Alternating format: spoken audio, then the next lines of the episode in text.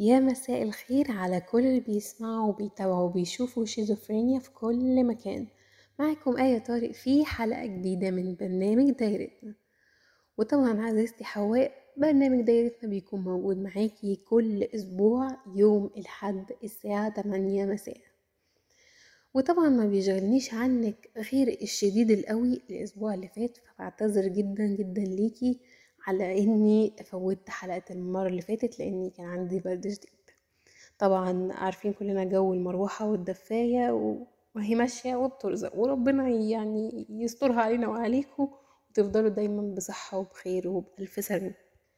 مرحلة الخطوبة دايما بتبقى مرحلة إن الاتنين يتعرفوا على بعض ويفهموا بعض ويبقوا شايفين العيوب قبل المميزات ويبقوا دارسين شخصيات بعض كويس جدا ويبقى عندهم تقبل لوجود الشخص ده بعيوبه أكتر من مميزاته. بمعنى إن أنا لما آجي أبص على الشخص اللي معايا أركز إيه هي العيوب بتاعته. والعيوب بتاعته دي أنا متقبلة هعرف أتعايش معاها ولا هبقى بعد كده مع الوقت هبقى عايزة أغير وأبدل وأعمل تفصيلة جديدة على مزاجي عشان تمشي مع إيه؟ الموديل اللي في دماغي. عشان نأثر على بعض الطرق.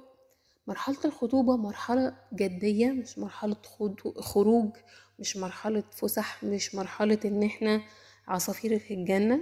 هي مرحلة إن إحنا لازم ناخد بالنا من الشخص اللي مفروض هيبقى هو شريك حياتنا بكل ما تحمله الكلمة من معنى. والحقيقة اللي خلاني أتكلم عن موضوع الخطوبة هي إن مشكلة النهاردة البنت بتقول أنا اتعرفت على خطيبي من خلال أصحاب حوالينا وأنا في مصر وهو بقى مسافر في الكويت.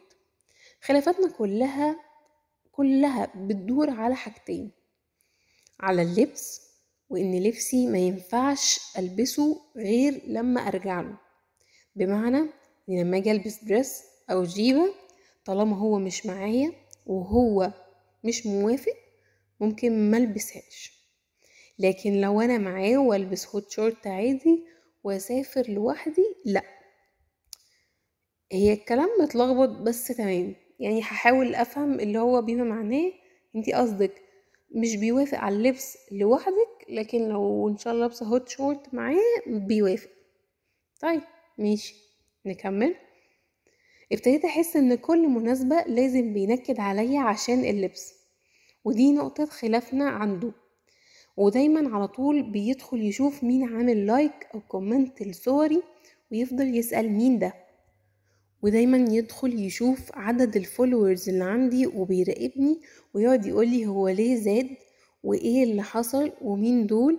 وبصراحة بقى بحس إن هو بيراقبني ودايما بحس إني مخنوقة وعايزة أمشي.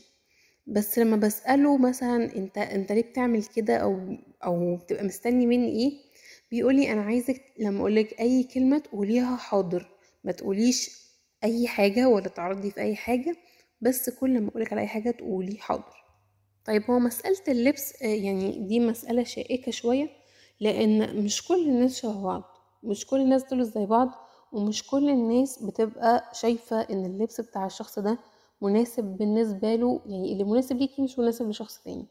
فاللبس المتعارف عليه إنه ما يكونش حاجة over انتي بقى لابسة over هو موافق عليه مش موافق عليه. بدل هو كان شايفك من البداية بالشخصية دي باللبس ده ممكن يعني يبقى عنده سنس شوية إن هو يقولك على حاجات بيغير فيها عليكي.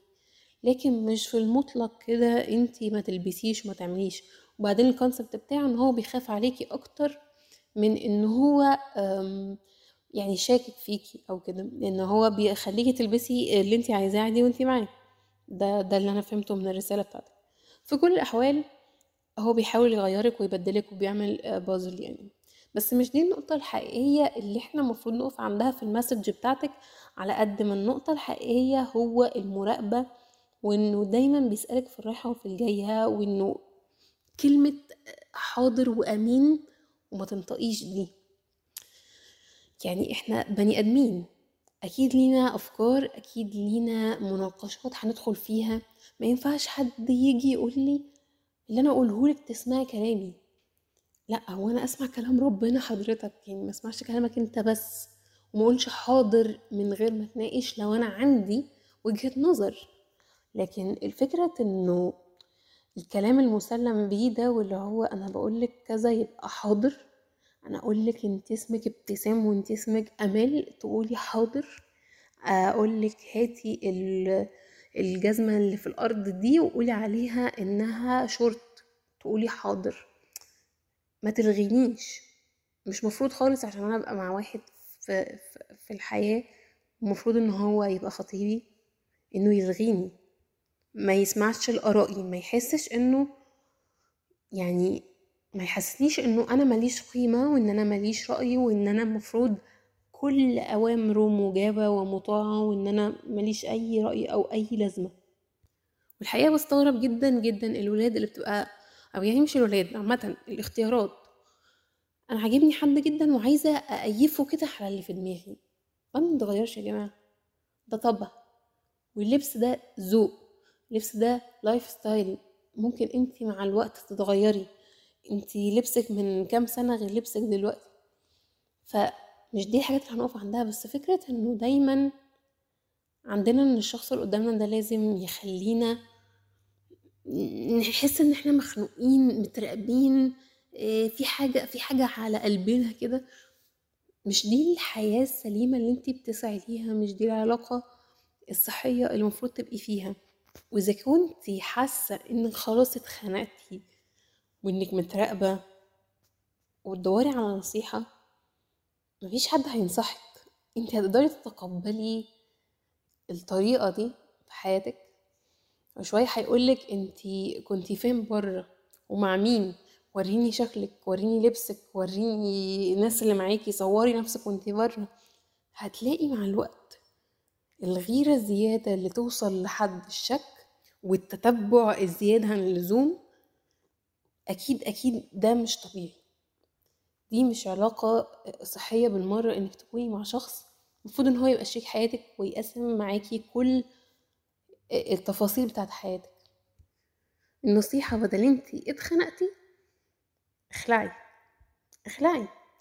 العلاقة اللي بجد كويسة ما بتحسسكيش إن انتي مخنوقة وبتحسسك ساعات إن مش كل الحياة الحياة وردي طبعا. بس بتحسسك إنه انت حاسة بأمان وحاسة إنك مرتاحة للشخص وعارفة تاخدي راحتك معاه. انت مش عارفة تاخدي راحتك معاه مش عارفة تكوني على طبيعتك لا في لبسك ولا في طريقة تعاملاتك ولا حتى في كلامك معاه. فاهربي يا عزيزتي حواء. لو حد عنده comment ليها ياريت يبعتهولنا على ال page بتاعتنا على شيزوفرينيا. كانت معاكم أي طريقة في دايرتنا. أشوفكم الحلقة الجاية على ألف خير. bye bye.